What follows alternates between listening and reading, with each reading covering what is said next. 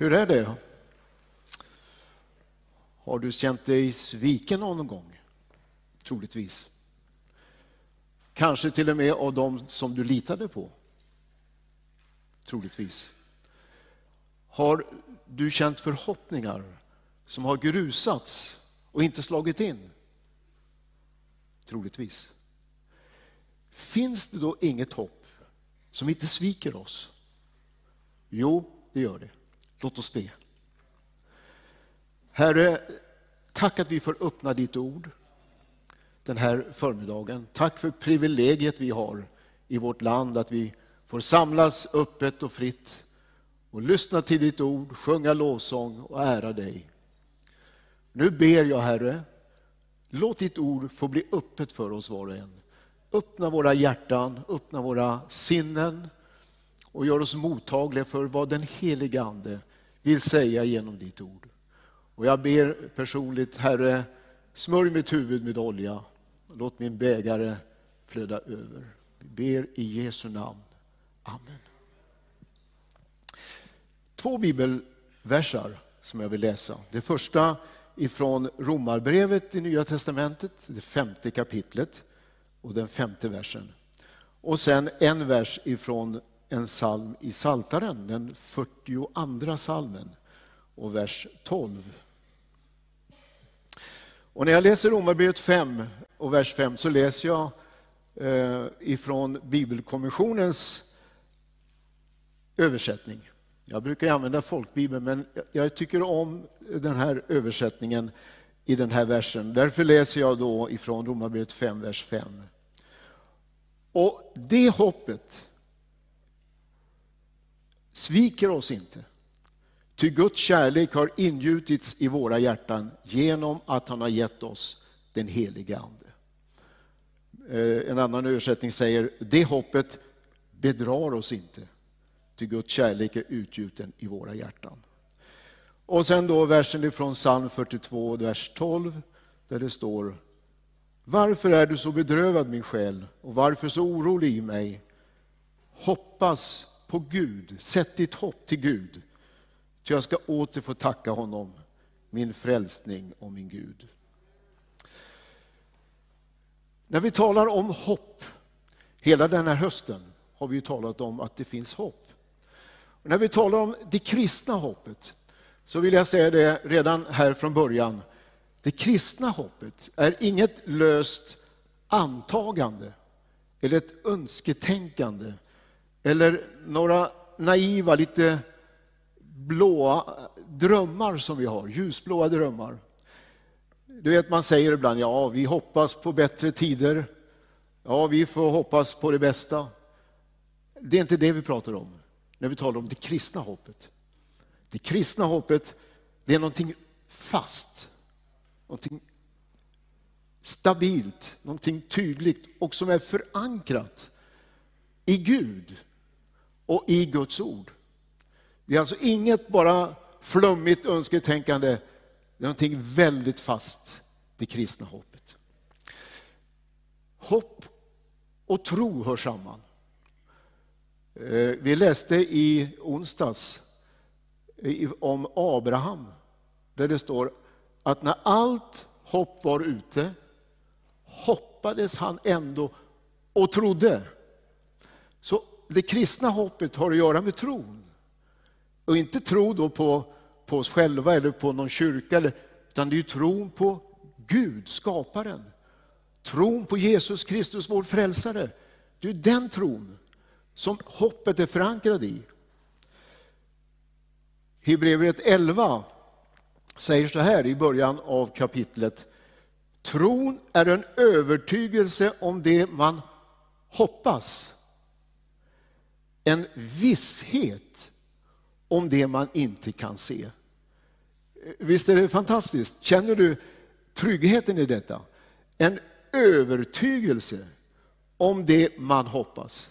Så hoppet är inte bara någonting löst sådär, utan det är en övertygelse, en visshet förankrad i Gud själv. I första Korintibrevet, det trettonde kapitlet, som vi kallar för kärlekens kapitel, där talas det om en väldigt vacker treklang, ett ackord. Ett ackord består ju ofta av tre toner, eller hur, för att få ett grundackord. Och där talas det om någonting som kommer att bestå. Allt annat kommer att förändras, men det är någonting i tillvaron som kommer att bestå, säger Bibeln. Det är tron, hoppet och kärleken. Kärleken är ju Gud, eller hur? Gud är kärleken. Och vi tror, vi hoppas och vi förankrar allt i kärleken Gud. Så ta med dig det här grundackordet i livet. Tro, hopp och kärlek. Det finns ett uttryck i Gamla Testamentet som är så vackert som talar om att en tretvinnad tråd brister inte så lätt. Du vet, en, en, en enkel tråd det kan man dra isär. Men om du virar ihop tre stycken trådar, då håller den, den är hållfast. Och här har du en sån där tretvinnad tråd som kommer att bestå. Tro, hopp och kärlek. Och hoppet alltså är förankrad i vår tro på Gud. Vi har lärt känna Gud, vi litar på honom. Det han säger, det håller han. Och det var det som Abraham eh, eh förlitade sig på. Han, när allt hopp var ute så hoppades han ändå och trodde. Ty han visste att Gud var mäktig att hålla det han har lovat. Abraham kände Gud. Och även om omständigheterna talade emot så visste han, det Gud har lovat, det håller han. Och jag hoppas, trots att hoppet egentligen var ute. Och vi vet ju alla att hans hopp gick i fullbordan. I detta hopp, säger författaren till Hebreerbrevet, i detta hopp har vi ett tryggt och säkert själens ankare som når innanför förlåten. Du vet, i templet i Jerusalem så fanns det en stor förlåt som täckte vägen in till det allra heligaste, där Guds närvaro på ett speciellt sätt uppenbarades. Men här säger författaren, vårt hopp, det är som ett ankare. Det är en del båtägare här, jag ser ju några stycken. Och ni vet ju, ankaret är ju det som förankrar, det som gör att även om det rör sig runt omkring så är båten still. Vi har ett, ett själens ankare, vårt hopp. Och det ankaret ligger faktiskt innanför förlåten, där Gud uppenbarar sig, där Gud finns. Visst är det fantastiskt? Och det är därför psalmisten säger, hoppas på Gud. Varför är du orolig? Hoppas på Gud. Det är det som är det kristna hoppet. Att vara förankrad i tron på Gud. Och här säger alltså Bibeln, hoppet sviker oss inte. Det är så mycket som vi, som jag sa inledningsvis, kan vara besvikna på. Men här har vi ett hopp som vi kan lita på, som är bergsäkert, som är... Ja, du, kan inte, du kan inte rubba det, det finns där. Och jag ska ge dig, innan jag säger amen, fyra stycken delar av det kristna hoppet som bär oss och som är tryggt och säkert och som vi vet finns där. Både för nuet och för framtiden. Det första som det kristna hoppet talar om och som inte sviker oss, det är hoppet om frälsning. Romarbrevet 8 säger, i hoppet är ni frälsta. Ett hopp som man ser fullbordat är inte mer ett hopp. Och i Efesierbrevets andra kapitel är det väl, det står, genom tron är ni frälsta. Så tron, hoppet, är vår, vi är frälsta i tron. Vi hoppas och det enda vi kan hoppas och lita på, det är Jesu försoning. Det är Jesu död och uppståndelse. Det är det vi tror på. Och det är det som är hoppet för oss. Att Jesus dog för mina synder. Att han uppstod på den tredje dagen och bevisade att han är rättfärdig och att han har skapat en väg till frälsning för inte bara mig utan för en hel värld. Vårt hopp är Jesu försoning. Vårt hopp är Jesu död och uppståndelse inför evigheten. Att Jesus renar oss från all så säger Bibeln, all synd. Och vi blir gjorda, vi blir rättfärdiga. Alltså det här är fantastiskt. Du vet när Adam och Eva skapades innan syndafallet så var de Guds skapelse, levde rättfärdigt inför Gud. Så vet vi att synden kom och rubbade allt det här. Men när vi tar emot Jesus i våra liv, Jesu död, Jesu försoning, då är, det, då är vi precis som Adam och Eva innan syndafallet. Vi är rättfärdiga. Ja, men det är ju fantastiskt, eller hur? Tänk att jag kan få vara rättfärdig inför Gud. Ja, inte i mig själv, inte genom mina egna ansträngningar, mina egna gärningar, utan endast i det att jag litar på att Jesus dog för mig. Att hans frälsning, den håller, den räcker. Och det här hoppet behöver vi ständigt förnyas. Och det är därför vi också idag kommer att fira Herrens måltid. Och vi gör det ofta i vår församling. Därför att vi behöver gång efter annan påminna oss om, det är det här som är mitt hopp. Jesus dog för mina synder. Och han uppstod. Han är mitt hopp. Han är min frälsning.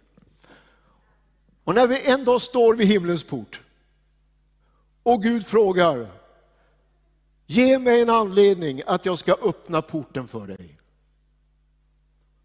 Vad svarar du då? Ja, det finns bara en anledning som gäller. Det är när du säger, jag tror på Jesu död och uppståndelse för mig. Han dog i mitt ställe. Då kommer Gud säga välkommen. Det räcker. I hoppet är vi frälsta. Och det finns en sång som täcker det här så fint. Som säger, det enda jag vet, det är att nåden räcker. Att Kristi blod min synd betäcker. Det enda jag vet att lita till en gång, det är Guds nåd, Guds gränslösa nåd.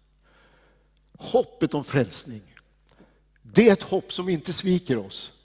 Det är fast, det är säkert, det är grundat på Guds ord. Jag vet att det är sant, det är en visshet, en övertygelse. En dag ska himlens portar öppnas för att Jesus dog för mig. Vilket hopp att få leva i. Och då är vi inne på detta fantastiska som vi har kanske tänkt lite extra på den här helgen. Hoppet om himmelen som finns där jag tänker på vad Jesus säger till sina lärjungar den sista kvällen. Han säger, var inte, var inte rädda.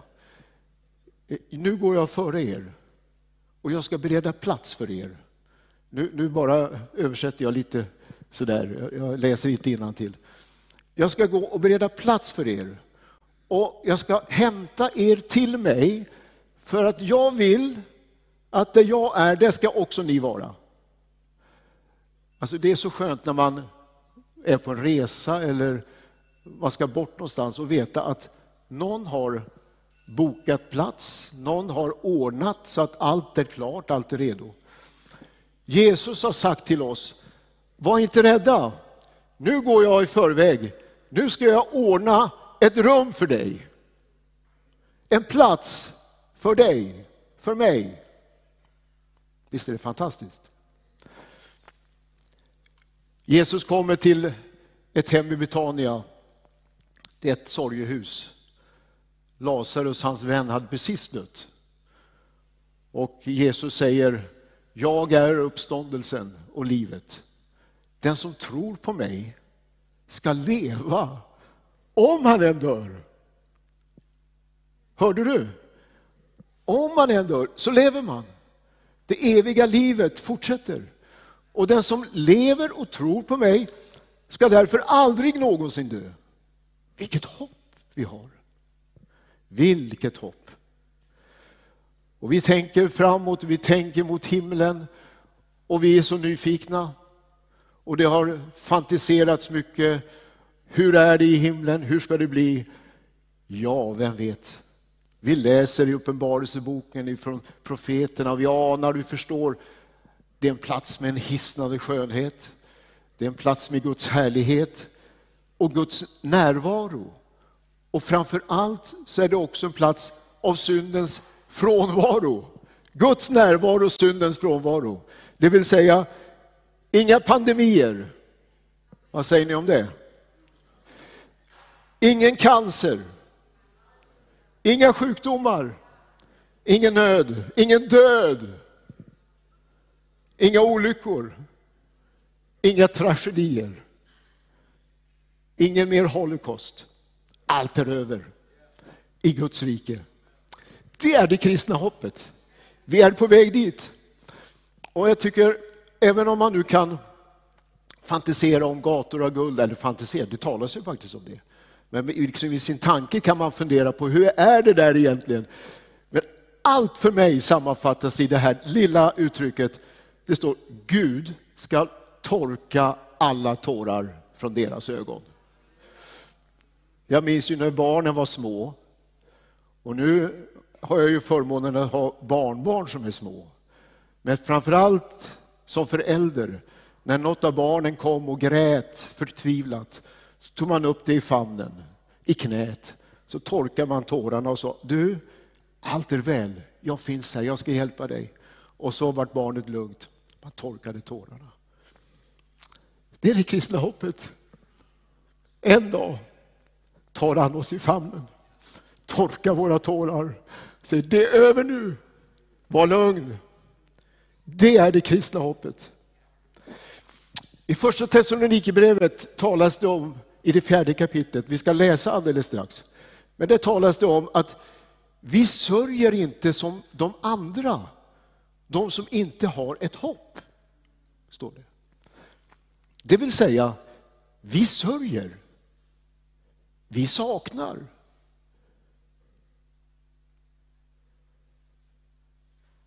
Vi gråter, men med ett hopp. Inte som de andra som är utan hopp. Vi gör det med hopp. Naturligtvis gråter vi när någon nära och kära har lämnat oss. Och vi står där i vår saknad. Men vi gör det med ett hopp hoppet att få vara tillsammans igen i Guds rike. Vi sörjer med ett hopp. Och då kommer vi in på nästa del av hoppet, det kristna hoppet. Och det är också detta att vår kropp ska få uppstå igen. Det här har vi inte tid att gå in och mycket på. Och jag rekommenderar, eh, om du vill fördjupa dig i det här, första Korinthierbrevets femtonde kapitel. Där går Paulus igenom det här väldigt noga. Och hur det är med att våra kroppar ska uppstå. Inte bara vår ande som lever vidare, utan vår kropp ska uppstå igen. Han talar om att här sås det, planteras det liksom en, en jordisk kropp. Men en dag ska vi få en himmelsk kropp. Precis som Jesus fick efter sin uppståndelse. Du, Jesus sig för sina lärjungar. De kände igen honom. Det var en alldeles speciell typ av kropp för att det var inte som den jordiska kroppen, det var en annan typ av kropp. Tänk att vi ska få en himmelsk kropp en dag. Och vi ska få en annan kropp än den som vi har idag. Eh, det står så här i, i, Johannes evangelium det femte kapitlet. Jag ska läsa. Eh, det här är väldigt intressant. Det femte kapitlet och den eh, 25 versen. Så står det så här. Det är Jesus själv som säger. Amen, amen säger jag er. Den stund kommer, ja den är nu inne, när de döda ska höra Guds sons röst och det som hör den ska få liv. Det här är, det här är intressant. De döda ska höra Guds sons röst. Hur ska det gå till? Ja, jag vet inte. Men eh, i första Thessalonikerbrevets fjärde kapitlet som jag nyss nämnde, det talas det om att de som har avsomnat i tron på Gud ska uppväckas när Jesus kommer tillbaka. Och vi ska tillsammans med dem möta Jesus på skyarna. Så jag tänkte precis, jag var precis också som Anki på kyrkogården igår kväll bland många, många människor. Det brann ljus och det var vackert. Och den där stämningen av både saknad och, och, och vördnad som man upplever. Men jag gick där för mig själv och tänkte, det blir en fantastisk dag på Sankt Eskils kyrkogård. Jag menar, vi har ju varit med och fört många av församlingens medlemmar till den sista vilan där och andra begravningsplatser i vår kommun. Men tänk en dag när Jesus kommer och hans röst hörs ner i gravarna och basunen hörs och de döda ska uppstå och vi tillsammans med dem ska göra himmelsfärd. Det blir nog spännande på Sankt Eskils kyrkogård. När det börjar hända saker och ting i nästan varenda kvarter av de där gravarna. Vilket hopp vi har. Vilket fantastiskt hopp. Ja, men det där är väl ändå utopi. Kan du verkligen tro på det? Klart jag tror på det. Guds ord säger det. Och jag litar på Guds ord. Mycket mer än på mina egna känslor eller vad någon filosof eller någon tidningsredaktör tycker. Jag litar mer på Guds ord. Och Guds ord säger det. Tänk att vi ska få nya uppståndelsekroppar. Det sås någonting förgängligt. Vi brukar säga det i begravningsakten. Det som sås förgängligt uppstår en dag oförgängligt. Det som sås i ringhet uppstår i härlighet. Det som sås här på jorden i svaghet, i sjukdom, i nöd uppstår en dag i full kraft. Åh, vilket hopp vi har och som vi bär och som inte sviker oss. Och då har vi detta till slut. Hoppet om att Jesus ska komma tillbaka. Och att han ska upprätta Guds rike som det var tänkt från början. Synden kom, rubbade liksom allt. Hela tillvaron blev rubbad genom synden. Om man talar skonsamt. Det var inte bara rubbning, det var liksom en, det förstörde allt det Gud hade tänkt. Men när Jesus kommer tillbaka så börjar någonting nytt. Då börjar en process där allt ska återställas. Och det hela mynnar ut i, jag läste det igår kväll, det är så fint i Uppenbarelseboken, där det står, jag såg en ny himmel och en ny jord, där rättfärdighet bor.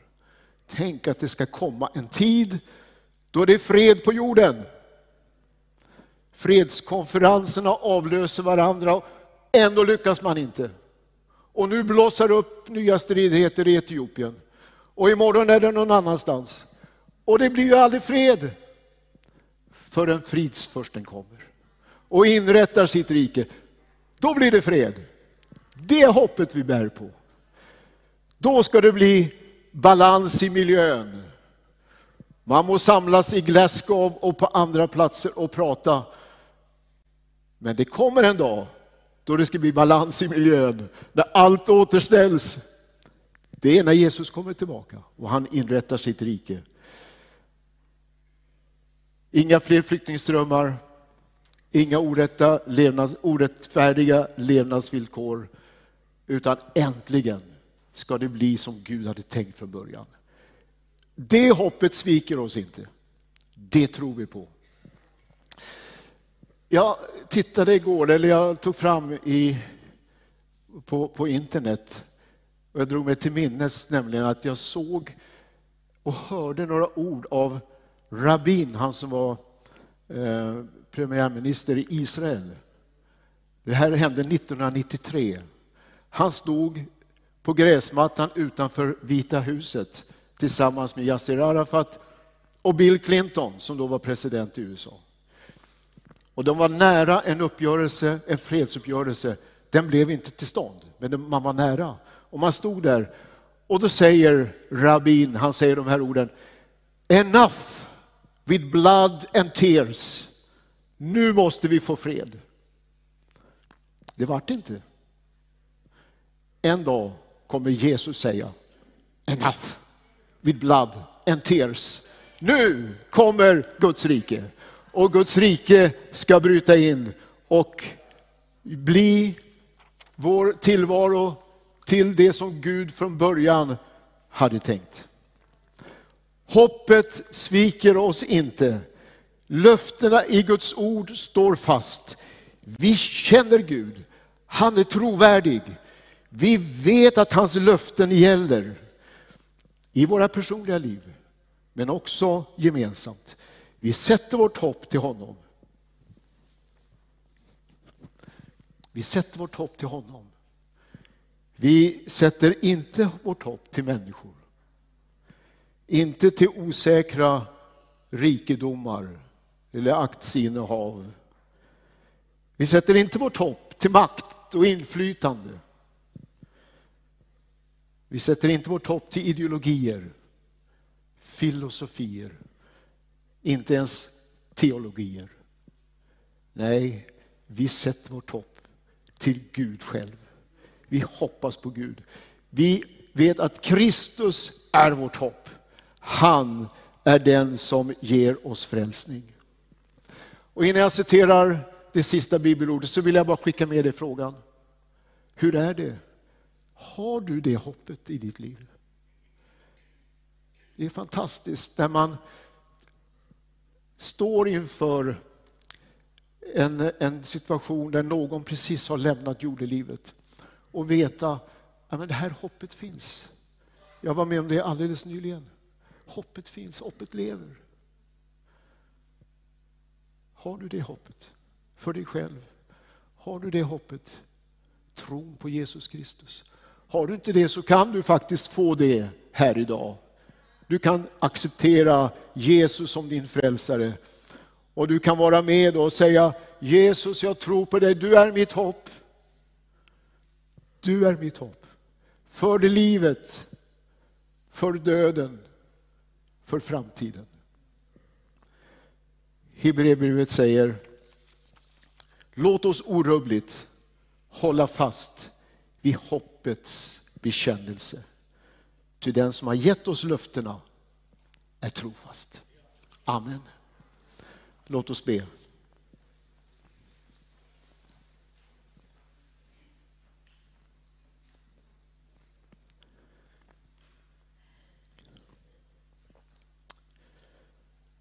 Herre, vi är inför dig och vi är så otroligt tacksamma att du har skapat en försoning som gör att vi kan hoppas. Tack att du har skapat frälsning som gör att vi vågar hoppas framåt. När allting annat brister så brister inte dina löften. När alla andra hopp sviker så sviker inte det hoppet. Tackar dig för det Herre. Tack att du är här. Tack att du möter oss idag. Du vet ju om precis vad vi är, vad vi står i.